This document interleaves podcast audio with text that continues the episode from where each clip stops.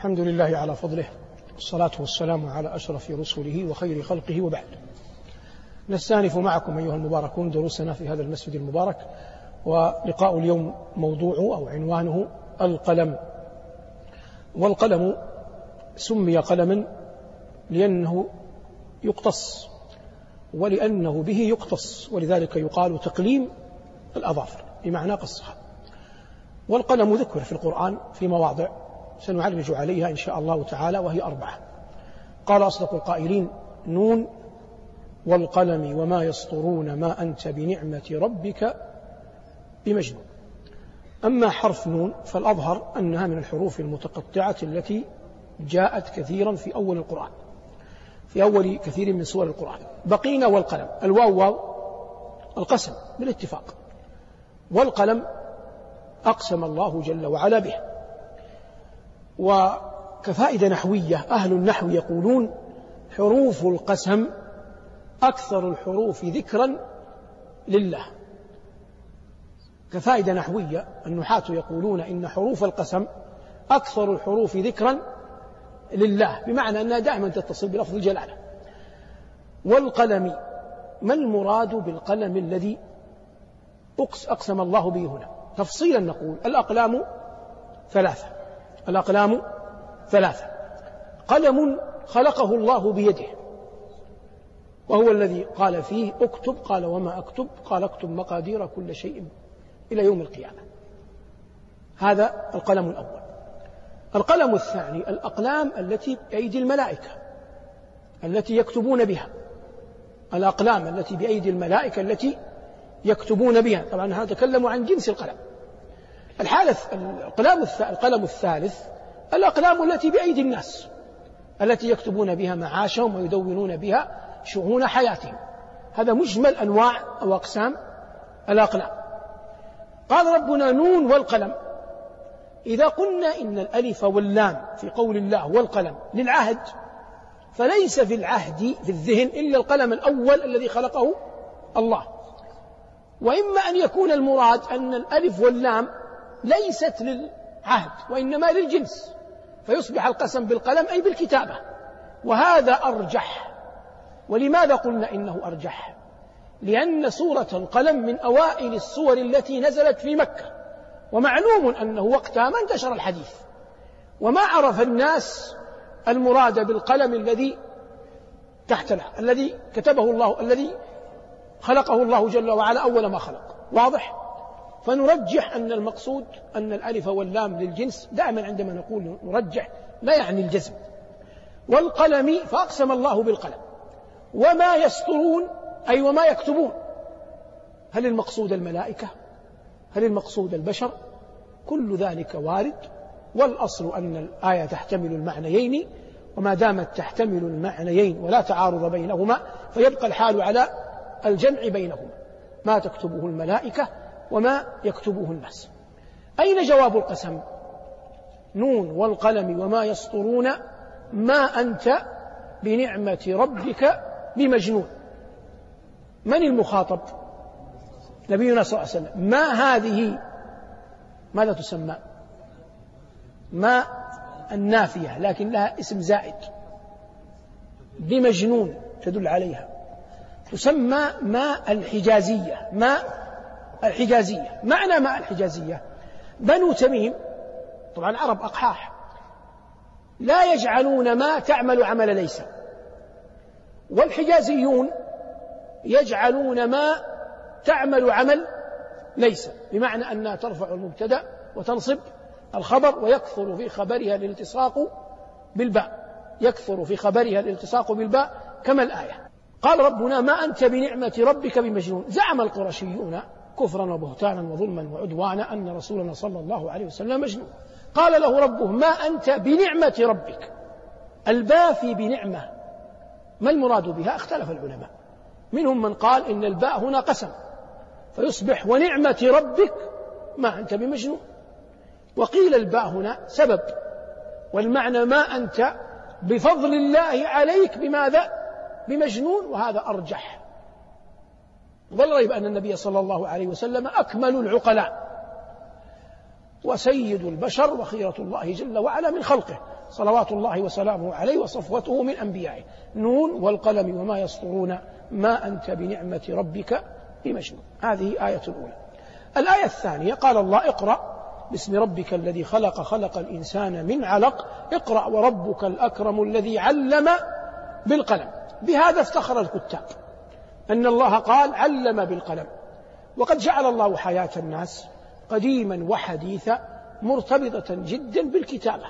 فمعلوم أنه لولا فضل الله على الناس بالكتابة لعطلت الكثير من من المصالح والكثير من المنافع ولما قام للناس شأن. لكن الله علم عباده الكتابة حتى تقوم مصالحهم وتدار شؤونهم وتبقى معيشتهم ظاهرة.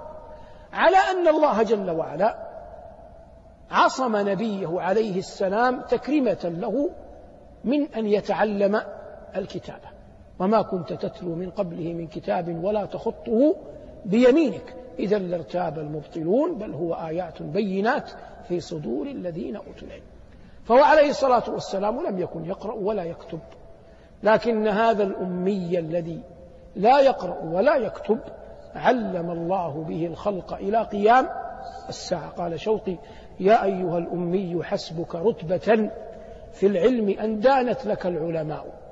يا أيها الأمي حسبك رتبة في العلم أن دانت لك العلماء. وقال له أخوك عيسى دعا ميتا فقام له وأنت أحييت أجيالا من الرمم.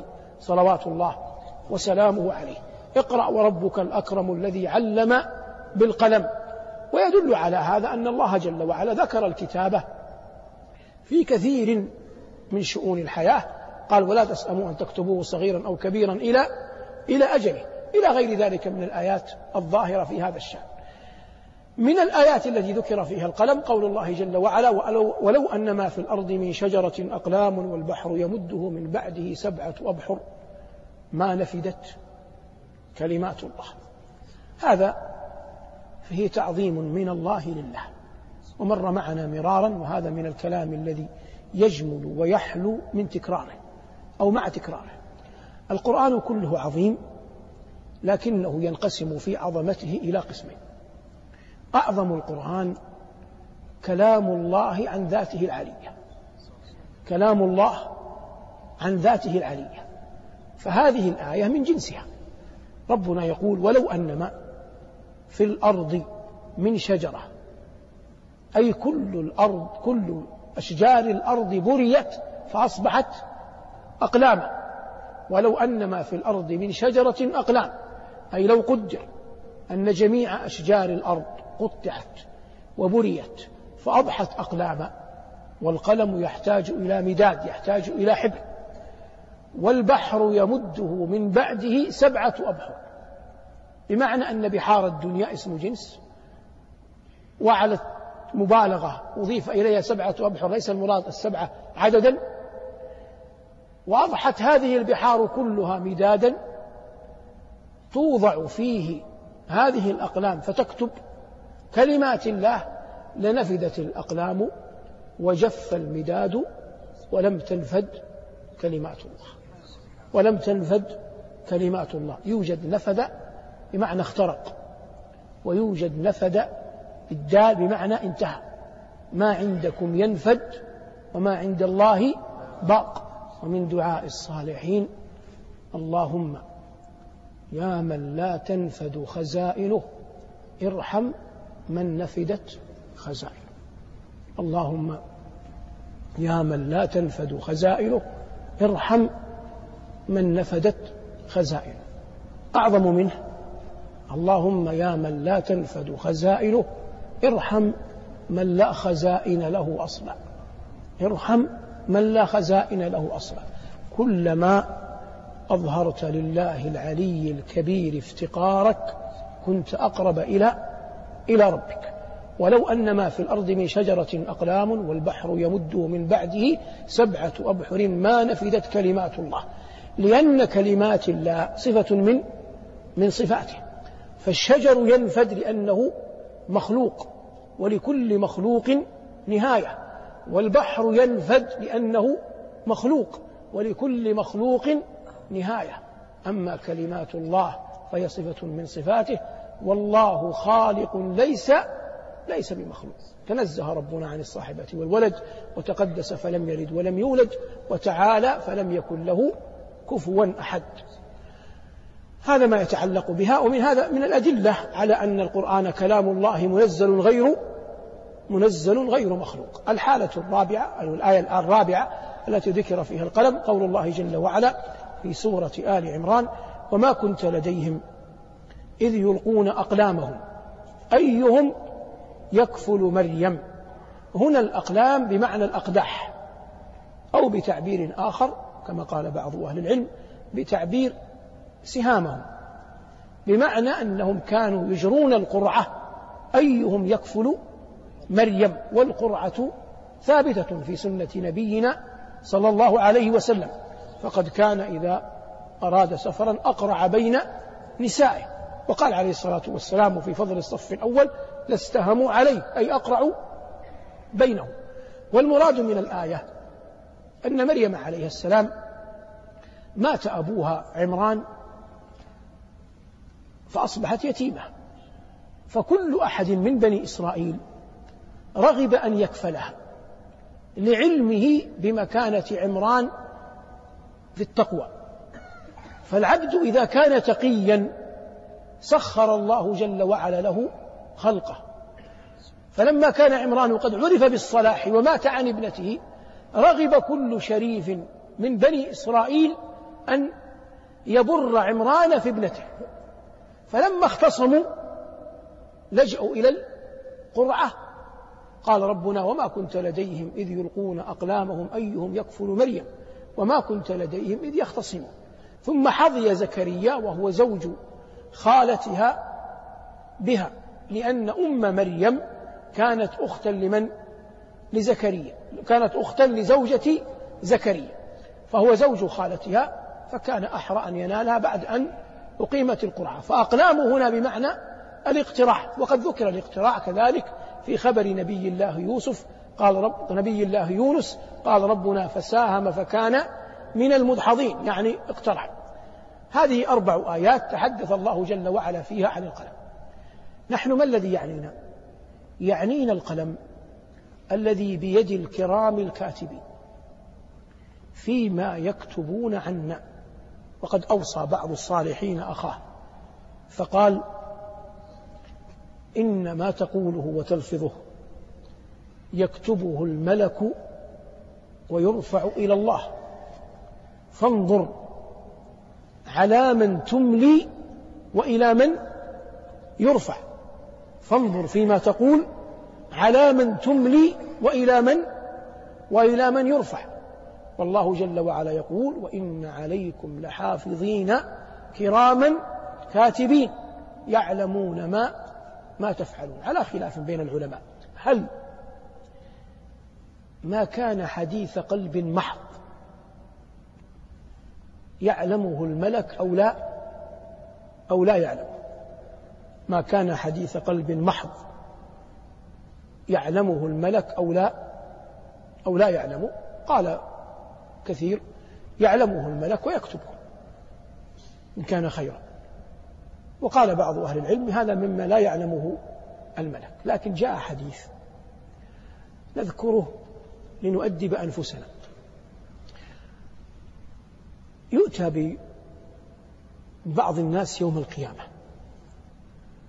وفي صحائفهم أعمال فتثني الملائكة عليه فيقول رب العزة وهو أعلم من ملائكته. بل ليس علم الله علم الملائكة بشيء أمام علم الله. فالملائكة كتبت على ظنها أن هذا أراد به وجه الله. فيقول الله هذا أردت به كذا وهذا أردت به كذا وهذا أردت به كذا. من الذي تتعجب؟ تتعجب الملائكة. تقول له بعدا لك. ألغير الله كنت تعمل. بعدا لك ألغير الله كنت تعمل. هذا نقول نؤدب أنفسنا وننصح إخواننا. حتى ترزق أو نرزق ما أمكن شيئا من الإخلاص أن نعرف عظمة الله وضعف خلقه. فإذا عرفت ضعف الخلق لم تقبل أن تصنع شيئا من أجله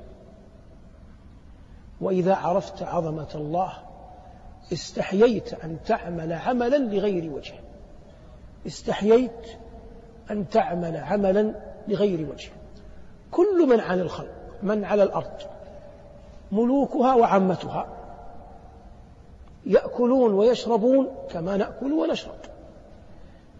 يموتون أو سيموتون كما نموت أو سنموت. خلقوا من تراب وخلقنا من تراب. نقبر ويقبرون نحشر ويحشرون. فأي عبد هذا الذي من أجله أنت تعمل؟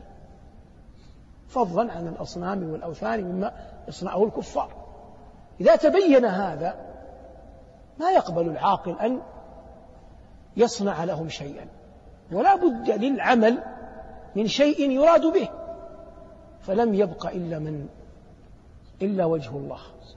الله جل وعلا يقول ومن أحسن دينا ممن أسلم وجهه لله وهو محسن.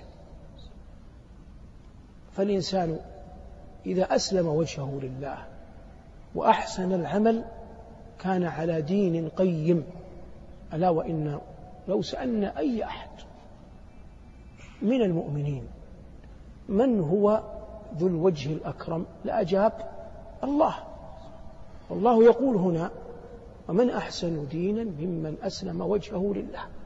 فلتكن رغبتك ما في طيات قلبك حالا ومقالا أن تقول اللهم يا كريم الوجه أسلم وجهي لك.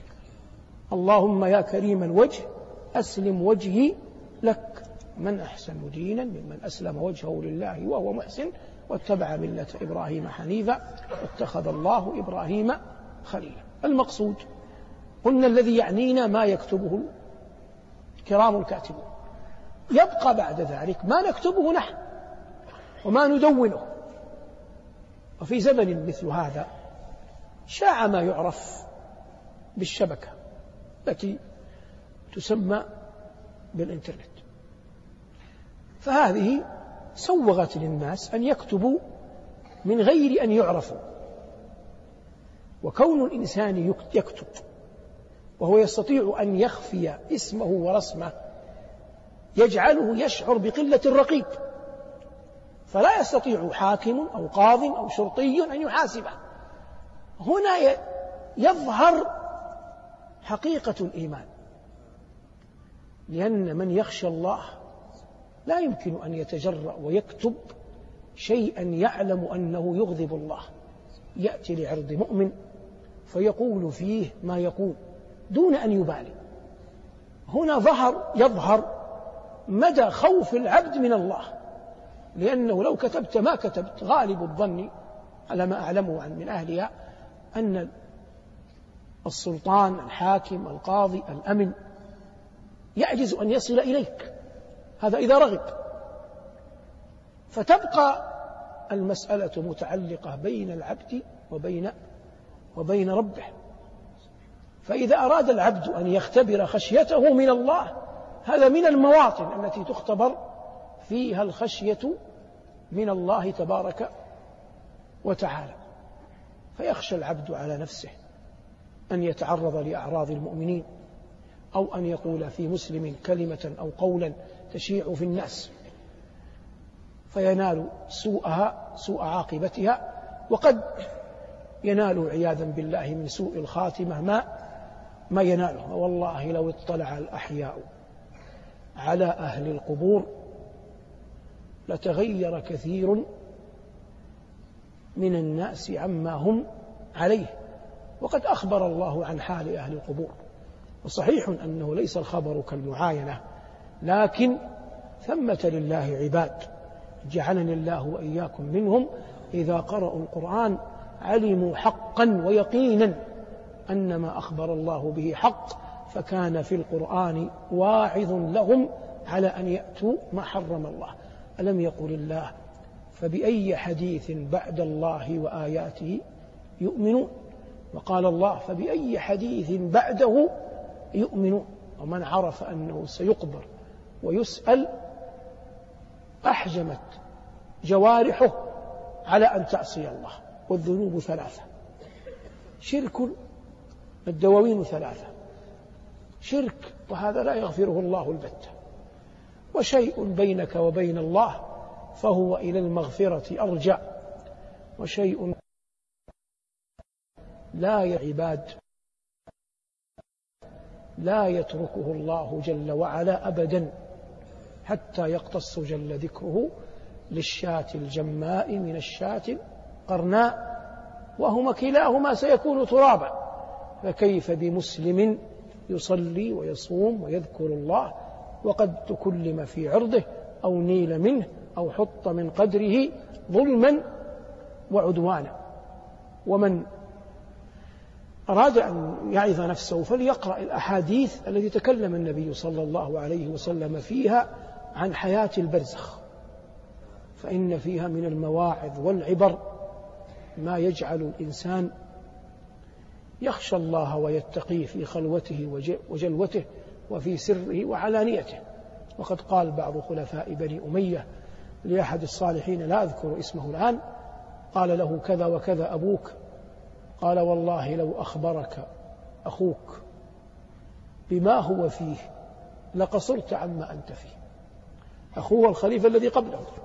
قال لو أخبرك أخوه بما هو فيه لقصرت عما أنت لقصرت عما أنت فيه. أي لم تتمادى. لو اطلعت على ما يكون في أحوال أهل أحوال الموتى. يسوقني هذا وإن كان الحديث عن القلم للحديث عن حياة البرزخ. النائم أحيانا سأقرب لك الصورة ينام فيرى في نومه حلما مفزعا إما أنه يعذب أو ينكل أو يؤذى فتراه يشعر بأنه يريد أن يخرج من جسده. ويتمنى متى يفتح عينيه. فإذا فتح عينيه وانتفض وقام أكثر شيء يشعر به أنه يقول الحمد لله أنه كانت رؤيا كان حلما ويتحسس جوارحه. نشعر بهذا كلنا. ولا يكاد يمتلكه الفرح وهو على فراشه أن هذا لم يكن حقا. هذه صورة يسيرة لما يقع في حياة البرزخ. فإن أهل القبور يعذبون بمثل هذه الطريقة لكنها ليست حلما ولا رؤيا. لا يفزع لا يقوم. يبقى يعذب حتى يقوم الأشهاد. ومن يقدر على هذا؟ والله لا يقدر عليه أحد. نسأل الله لنا ولكم العافية. لكن العافية كما تطلب بالدعاء تطلب بالسعي والعمل من أن لا يتحمل الإنسان شيئا من أوزار الناس. لا يتحمل شيئا من من أوزار الناس. النبي عليه الصلاة والسلام قال لأحد أصحابه أما وإنكم ستفتحون مصر وإنها أرض يذكر فيها القيراط فأوصيكم بها خيرا وإن لهم ذمة ورحمة. هذا الحديث يعرفه الناس. ما خاتمة الحديث؟ قال له فإذا رأيت فيها رجلين يختصمان على لبنة من الأرض فاتركها. فالصحابي دخل مصر. فسمى اثنين من أهلها ممن سكنها من الصحابة ومن التابعين يختصمون على موضع لبنة. فتركها. لماذا تركها؟ ليس رغبة عن مصر. مصر سكنها الأنبياء. لكن خوفا من الظلم أن يرى. اختصم على موضع لبنة. فأصبح أحدهما ظالم للآخر. يعني إما أن تكون أرضك أو تكون أرضي. فالمقصود الفرار من ظلم العباد.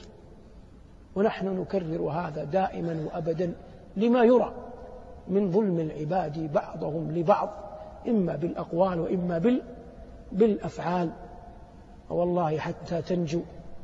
فلتكن ممن يقوم يوم القيامة ولا يسألك الله عن أحد من خلقه أنك ظلمته. عافانا الله وإياكم من كل سوء والحمد لله رب العالمين.